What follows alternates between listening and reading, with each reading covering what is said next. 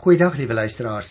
Ek het in die vorige program begin by Handelinge 13 wat uh, die aanvang was van Paulus se eerste sendingreis en hoe hy begin het. Hy ry daar weg uh van Palestina se kus af oor die Middellandse See en hy kom daar beleef wonderlike dinge op Siprus waar die hofteoloog van die goewerneur op Siprus teengestaan word. Hy word met blindheid geslaan uh toe hy wou keer dat die goewerneur die evangelie hoor, maar wanneer Paulus dan die boodskap van die evangelie bring aan die goewerneur, dan kom laasgenoemde tot bekering en wat 'n wonderlike onderskraging en bemoediging moes dit nie vir Paulus gewees het nie wat nou maar sy eerste sendingreis uh so pas begin het. So ek wil graag vir jou oor die volgende paar versies wat ek vandag gaan behandel, bietjie agtergrond gee want dan uh, verstaan 'n mens net soveel makliker. Jy sien liewe luisteraar, waar Paulus hom telkens eerste tot die Jode gewend het gee Lukas ons hier aan die begin van Paulus se sendingreise 'n baie goeie voorbeeld van 'n bekeringstoespraak tot die Jode. So as jy dit uh, wil lees, dan uh, dink ek is 'n baie goeie gedeelte om te lees. Juis hier van Handelinge 13 vers 13 af. Want dan sal jy 'n baie goeie oorsig kry van wat hy graag met die Jode gedeel het. Paulus is naamlik uh, in die eerste paar versies, ek gaan dit nou nou lees, uh is hy haastig om terug te keer na die landstreek waarvandaan hy oorspronklik kom. En nou vir my baie interessant, in teenstelling uh met wat ons in die vorige verse uh verlede keer behandel het, is Paulus nou die leier. Dit het amper gelyk asof Barnabas sou oorneem. Maar hier tree Paulus nou vir die eerste keer baie duidelik na vore as die leier van die geselskap. Paulus was, lyk dit vir my, 'n kragtiger redenaar en 'n helderder denker as Barnabas, wat ons baie goed kan verstaan. Want ek het 'n vorige keer vir jou gesê jy moet onthou, Paulus was eintlik 'n baie hoog opgeleide teoloog. En daarom het Barnabas hom al 'n vroeër keer ingeroep daan Antiochië, onthou jy? om die mense te help onderrig veral uit die Ou Testament. En nou tree Paulus hier. Begin hy nou na vore tree as 'n baie sterk redenaar en 'n uitstekende kenner van die geskrifte. Nou natuurlik, ons weet nie om watter rede Johannes Markus hom aan die sendingwerk onttrek het nie, maar die rede was in elk geval nie vir Paulus oortuigend nie. Die sendelinge gaan na die belangrike stad Antiochië in Pisidië. En volgens hulle gewoonte gaan hulle direk daardie Saterdag na die sinagoge toe. Na die eerste deel van die diens vra die leiers van die sinagoge of die twee wil preek. nou moontlik het hulle hulle aangesien as rabbyne.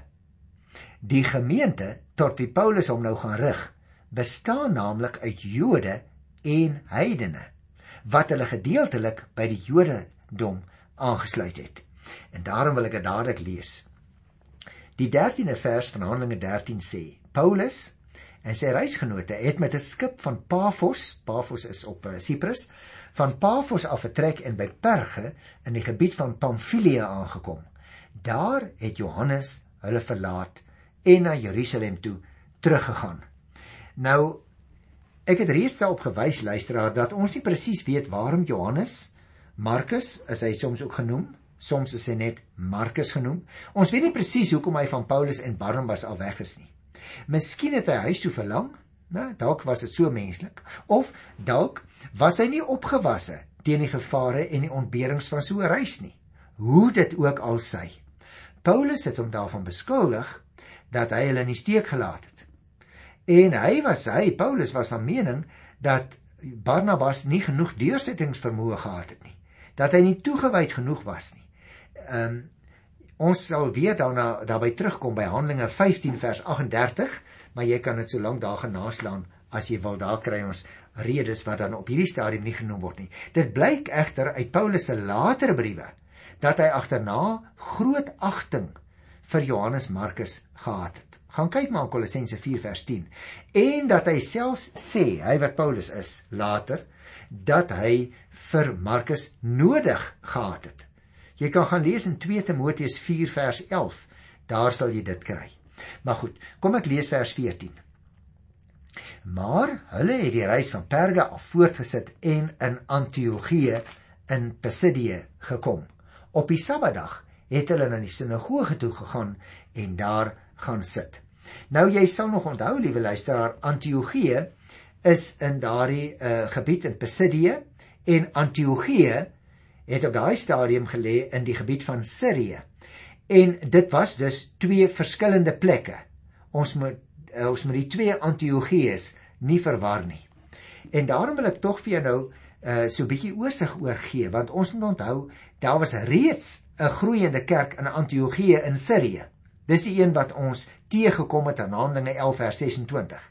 Maar Antiochië in Pisidië was 'n ander plek. En dit het 'n groot Joodse bevolking gehad wat 'n besige handelsentrum was en wat ook 'n hele aantal paaie uh gehad het wat daar by mekaar gekom het. En daarom uh oorsigtelik oor die volgende paar versies net dit. Wat het alles tydens 'n die diens in 'n sinagoge gebeur destyds? Die Shema wat beteken hoor Israel as jy dit vertaal uit die Hebreëus, die Shema is daar voorgedra. Uh maar daarna is daar ook gebid en daar's ook uit die wet gelees. Dit is nou as ek praat van die wet, dan bedoel ek Genesis tot Deuteronomium volgens die Joodse indeling. Dan is daar ook soms nog uit die profete voorgeles in 'n poging om die wet te verklaar. En daarna eers is 'n boodskap gelewer of 'n preek sou ons toe vandag gesê het. Nou is dit interessant, die leier van die sinagoge het nou op hierdie stadium besluit wie die diens sou lei en wie die preek sou lewer. Elke week is iemand anders vir die taak aangewys. Nou was dit natuurlik in daardie tyd die gebruik om besoekende rabbies te nooi om in die sinagoge te preek. En daarom was dit nie vir Paulus en Barnabas moeilik om toegang tot die sinagoges te kry nie. Aangesien hulle egter oral die boodskap van Jesus verkondig het, is hulle nêrens eintlik genooi om aan te bly nadat hulle klaar gepraat het nie. Soms is hulle selfs weggejaag uit die sinagoge as hulle klaar gepreek het want hulle het goed kom sê oor Jesus van Nasaret en die mense wat na hulle geluister het was elke keer baie vies daaroor. So op hierdie stadium lees ons hoe dat hulle daar by die Sabbat aan uh, op die Sabbat aankom by die sinagoge en hulle het daar gaan sit, het die 14de vers gesê. Nou moet ons ook in gedagte hou en ek hoop ons luisteraars weet dit ook al. Uh elke keer as hulle by 'n nuwe dorp aangekom het, het hulle heel eerste na die sinagoge toe gegaan. Jy sien, die Jode wat na die sinagoge gegaan het, het in God geglo. En hulle het natuurlik die Ou Testament indringend bestudeer. Hou en hakies die Nuwe Testament was nog nie op skrif op daai stadium nie. Ongelukkig kon baie van hierdie mense Jesus egter glad nie as die Messias aanvaar nie, omdat hulle 'n verwronge idee gehad het van die Messias en hoe hy sou optree en wie hy sou wees. Hy was nie 'n militêre koning wat die Romeine wou verdrywe nie, maar Jesus het gekom as 'n dienaar koning wat die mense met God wou versoen. Paulus en Barnabas het hulle nie van die sinagoge probeer losmaak nie, maar vir die mense wat daar was, probeer wys dat die skrifte wat hulle bestudeer juis in Jesus Christus vervul is. En daarom wil ek nou lees hier van vers 15 af uh in Handelinge 13. Na die voorlesing uit die wet en die profete, het die raadslede van die sinagoge hulle laat weet: "Broers, as julle vir die volk 'n woord van bemoediging het, praat maar." Paulus het opgestaan, met 'n handbeweging aandag gevra en gesê: "Israeliete en Godvreesendes, luister. Die God van hierdie volk Israel het ons voorvaders uitget kies en hulle 'n groot gevolg gemaak toe hulle as vreemdelinge in Egipte gewoon het. Nou luisteraars, ek gaan nie die hele uh, boodskap wat Paulus hier bring met julle behandel nie, omdat um, dit die tipiese soort preek is wat Paulus op sy sendingreise op verskillende plekke gelewer het. Hy begin gewoonlik deur vir sy luisteraars te vertel hoe die geskiedenis van Israel breedweg geloop het. En daarom kan jy dit gerus hier so 'n bietjie gaan bestudeer. Nou as jy agterkom, dit het ook sekere raakpunte met die toespraak wat Paulus aan van tevore gemaak het. Hy vertel die geskiedenis van Israel as God se volk tot by Dawid en dan uh, van vers 23 af uit Dawid se geslag, verduidelik Paulus vir hierdie mense, is Jesus gebore. Hy sê dit om die waarheid te sê baie pertinent vir hierdie mense dat hulle nie daaroor hoef te twyfel nie. Vers 23: Uit hierdie man se geslag, dis nou Dawid, het God volgens sy belofte Jesus as verlosser vir Israel laat voortkom. Jy merk op. Paulus praat op baie duidelik van die verlosser vir Israel. Dan in vers 27 tot 29 vertel hy van Johannes die Doper. Hy vertel hoe dat Johannes die Doper deur wat deur Jesus aangekondig is. Maar die Jode het Jesus doodgemaak. En dan gaan in sy volgende gedeeltjie van vers 30 tot 37, hy sê God het Jesus opgewek uit die dood. Hy gebruik selfs drie skrifverwysings daarso. Uh want die mense het die Ou Testament geken en uh, uh Paulus wil hê dat hulle dit baie goed moet verstaan.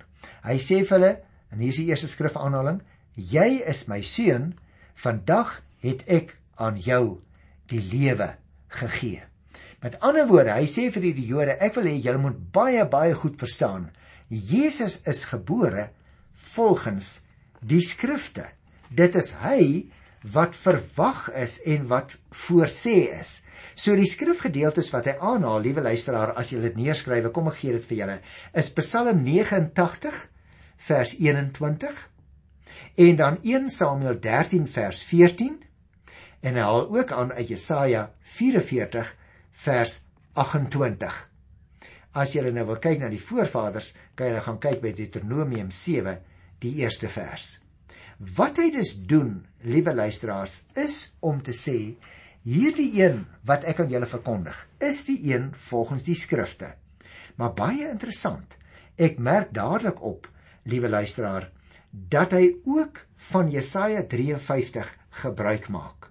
Want Jesaja 53 sal jy nog onthou, is daardie gedeelte wat vertel van die lydende knegg van die Here. Van iemand wat nie deur ander mense erken is vir wie hy was nie. Met ander woorde, wat die apostel Paulus hier doen, is hy wil dat daar geen twyfel by hierdie Joodse luisteraars sal wees nie. Jesus is volgens die skrifte van die Ou Testament gebore en hy het opgetree en hy het gesterwe. Nou wat nou belangrik is, ek gaan sy eh, sy preek daar laat Uh maar ek wil net sy afsluiting onderstreep en dan kyk wat gebeur daarna. Hy sê vir hulle vers 38 en 39. Daarom broers, moet julle goed weet dat wat aan julle verkondig word, die vergifnis van sonde is deur hom, dis nou Christus. En dat elkeen wat glo, deur hom vrygespreek word van alle sondes. Jy sien liewe luisteraar, Petrus wil hê dat daar nie enige misverstand moet wees nie. Daar is nie ruimte vir ander godsdiens meer nie. Wou Paulus vir hulle sê. Daar is net hierdie een weg terug na die Vaderhuis toe, soos die Here Jesus self gesê het Johannes 14 vers 6. En daarom sê hy vir hulle vers 41: Kyk, julle verag God. Julle sal verstom staan en te gronde gaan want in julle tyd doen ek iets wat julle beslis nie sal glo as iemand julle daarvan vertel nie. Met ander woorde, hier kry ons 'n baie goeie voorbeeld van hoe Paulus mense direk konfronteer. Ten slotte word die gevolgtrekking dus deur die apostel gemaak. Elkeen wat in Jesus glo, ontvang vergifnis van sondes. Dieselfde waarheid word nog op 'n ander manier gestel. Hy sê die gelowiges word vrygespreek en die hoorders word dan met Habakuk 1 vers 5 gewaarsku. As hulle God se evangelie verag, sal God hulle te gronde laat gaan. En my liewe luisteraar, hy gee Paulus gee rede. Hy sê die rede is dat God iets ongeloofliks doen. Nou kan kan jy vir my vra nou waarna verwys dit Brian dit verwys broer en suster of na die wêreldsending of na die laaste oordeel dit is nie vir ons heeltemal duidelik waarna Paulus hier spesifiek verwys nie. Paulus se preek wek nietemin groot belangstelling met die gevolg dat die Jode jaloers begin raak en nou begin hulle teenstand bied. En dit lei dan daartoe dat Paulus hom tot die heidene wend. Ons het dus, liewe broer en suster, liewe luisteraar, hier 'n baie baie belangrike wat ek sou noem 'n wentelpunt in die geskiedenis. Paulus preek aanvanklik vir die Jode. Maar nou kom hy agter die Jode wil dit nie aanvaar nie. Hulle wil nie aanvaar dat Jesus die Christus is nie. Maar nou het ons net nou gelees daar was ook ander mense in die gehoor. En ek wil graag vir jou hulle reaksie wys. Luister, vers 42. Terwyl hulle die sinagoge verlaat, het die mense, dis nou nie daai Jode wat nie wou luister nie, het die mense vir Paulus en Barnabas gevra om hulle die volgende Sabbat meer van hierdie dinge te vertel. Nadat die sinagoge uit was, het baie van die Jode van die mense wat van tevore uit die heidendom tot die Jodendom oorgegaan het, saam met Paulus en Barnabas gegaan. Die het met hulle gepraat en hulle aangemoedig om op die genade van God te bly vertrou. Nou luister nou mooi, vers 44. Die volgende Sabbatdag het byna die hele stad bymekaar gekom om die woord van die Here te hoor. Toe die Jode die groot opkom sien, is hulle met afguns vervul en het hulle telkens Paulus se woorde teëgespreek en hulle beledig. Jy sien, liewe luisteraar, die gemeente vra nou 'n vervolg op die preek wat hulle gehoor het. En na die diens word Paulus hulle nou vergesel van die Jode en hulle hou die volgende Sondag, uh, Sabbat, hou hulle want onthou dit was die gebruik in daardie tyd, die Sabbat. Hou hulle op die volgende Sabbatdag 'n byeenkoms En nou luister hulle weer. Nou luister nou wat sê Paulus op daardie dag by vers 46. Paulus en Barnabas het reguit vir hulle gesê: Die woord van God moet eers aan julle verkondig word. Maar omdat julle dit verwerp en daarmee beslis dat julle die ewige lewe nie werd is nie, gaan ons nou na die mense toe wat nie Jode is nie. Want so lui die Here se opdrag aan ons Ek het u gegee as 'n lig vir die nasies, sodat u verlossing kan bring tot in die uithoeke van die aarde. Met ander woorde, liewe luisteraar, hy sê vir hulle, God wou hê dat Israel die lig moes wees. Mens lees ook daarvan in Jesaja 49 vers 6. En Jesus die lig vir die wêreld is. Lukas 2:32. Daardie lig verduidelik Paulus nou vir hulle het deur Israel gekom en hierdie lig sou versprei en ook die nie-gelowiges se pad verlig. En dan is ek eintlik haastig om te sien wat die apostel vir hulle sê in die volgende verse. Want jy sien hy's besig om die net al nouer te trek om die Jode voordat hy finaal om tot die heidendom gaan wend. Nou staan hier in vers 48. Toe die heidene dit hoor, was hulle baie bly oor die woord van die Here en het hulle dit toegejuig. Almal wat vir die ewige lewe bestem was, het gelowig geword. Ons het dus hier baie baie belangrike inligting van vers 48 af. En ek wil daarmee saam vers 49 en verder lees. Die woord van die Here het dwars deur die hele streek versprei.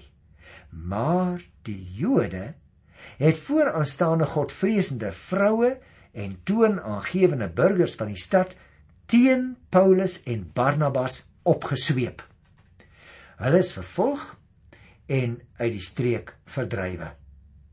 Hulle toe as gebaar teen die stad die stof van hulle voete afgeskit en na Ikonium toe gegaan. Die gelowiges in Antiochië was vol blydskap en vol van die Heilige Gees. Hier gebeur dus geweldige belangrike dinge, liewe luisteraar. Die heidene het ons gelees is baie bly om te hoor dat God se vrye genade ook vir hulle aangebied word. Die wat bestem is vir die ewige lewe, het ons gelees, dit wil sê die wat uitverkies is, het die boodskap aangeneem Die uur van beslissing het aangebreek vir die mense wat Paulus oor preek het. En in die skeiding wat daar gekom het, was dit tussen die mense wat ja gesê het vir die evangelie en die wat nee gesien het. En broer en suster, daarin kom die uitverkiesende werking van God na vore. Mense wat ja sê vir Jesus Christus, daardie ja is die bewys hulle is uitverkies. Maar as mense nee sê en end uit bly nee sê vir die evangelie, dan moet jy aanvaar hulle is nie uitverkies nie. Nou moet jy net baie versigtig wees om sommer te besluit wie's uitverkies en wie nie. Daarom bly ons getuig ook teenoor mense wat reeds die evangelie gehoor het. Moontlik is hulle uitverkies maar hulle het nog nie tot bekering gekom nie. Dit is die Here se taak. Ons verantwoordelikheid is om daardie boodskap van verlossing alleen in Jesus Christus helder en duidelik aan elkeen deur te gee. Maar uiteindelik was daar die wat dit gedoen het, maar daar was ook diegene wat vir Paulus hulle gesê het: "Nee, nee ons aanvaar nie die evangelie nie." En op grond daarvan kry ons dan 'n interessante gebruik van daardie tyd dat die apostels hulle ek herhaal dat die apostels die stof van hulle voete afgeskit het en dan vertrek hulle. Maar die hoofstuk 13 in Handelinge sluit af met hierdie opmerking: Die gelowiges in Antiochië was vol blydskap en vol van die Heilige Gees. Nou ek wil baie graag voordat ons afsluit net begin om so bietjie te gesels oor Handelinge die 14de hoofstuk. Want ons moet onthou, uh liewe luisteraar, Paulus en Barnabas kom nou in Ikonium aan. Kom ek lees dit. Ek gaan net die eerste 2 verse lees. In Ikonium het Paulus en Barnabas op dieselfde manier opgetree. Hulle het weer na die Joodse sinagoge toe gegaan en daar gepreek met die gevolg dat 'n groot aantal Jode en Grieke gelowig geword het. Maar Die Jode wat nie die boodskap wou aanneem nie, het die gemoedere van die heidene opgesweep en hulle teen die gelowiges aangehits. Jy sien dus broer en suster, hier gaan ons dieselfde patroon kry. Die Jode wat nie tot geloof wil kom nie, hits die ander mense aan. Maar interessant, lees ons nou by vers 3. Ten spyte hiervan het die apostels 'n geruime tyd in die stad gebly en in vertroue op die Here onbevrees gepreek. Die Here het ook die boodskap van sy genade bevestig deur die apostels tekens en wonders te laat doen. Die inwoners van die stad was verdeel. Party vir die Jode en party vir die apostels. Die heidene en die Jode saam met hulle leiers het egter oproerig begin word en wou die apostels aanrand en stenig. Toe die apostels dit agterkom, het hulle na Lystra en Derbe en omgewing gevlug. Dit was twee stede in Likaonie. Daar het hulle toe die evangelie verkondig.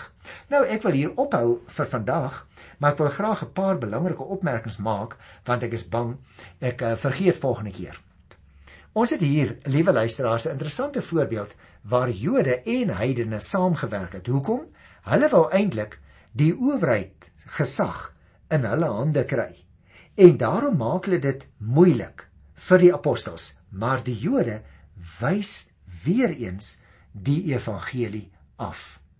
Ag wie jy, mag ek dit sê ten slotte. Ons wens soms dat ons 'n wonderwerk kan doen sodat almal eens en vir altyd sal glo dat Jesus die Here is. Hier sien ons egter dat nie eens so 'n wonderwerk almal in die Here Jesus laat glo nie.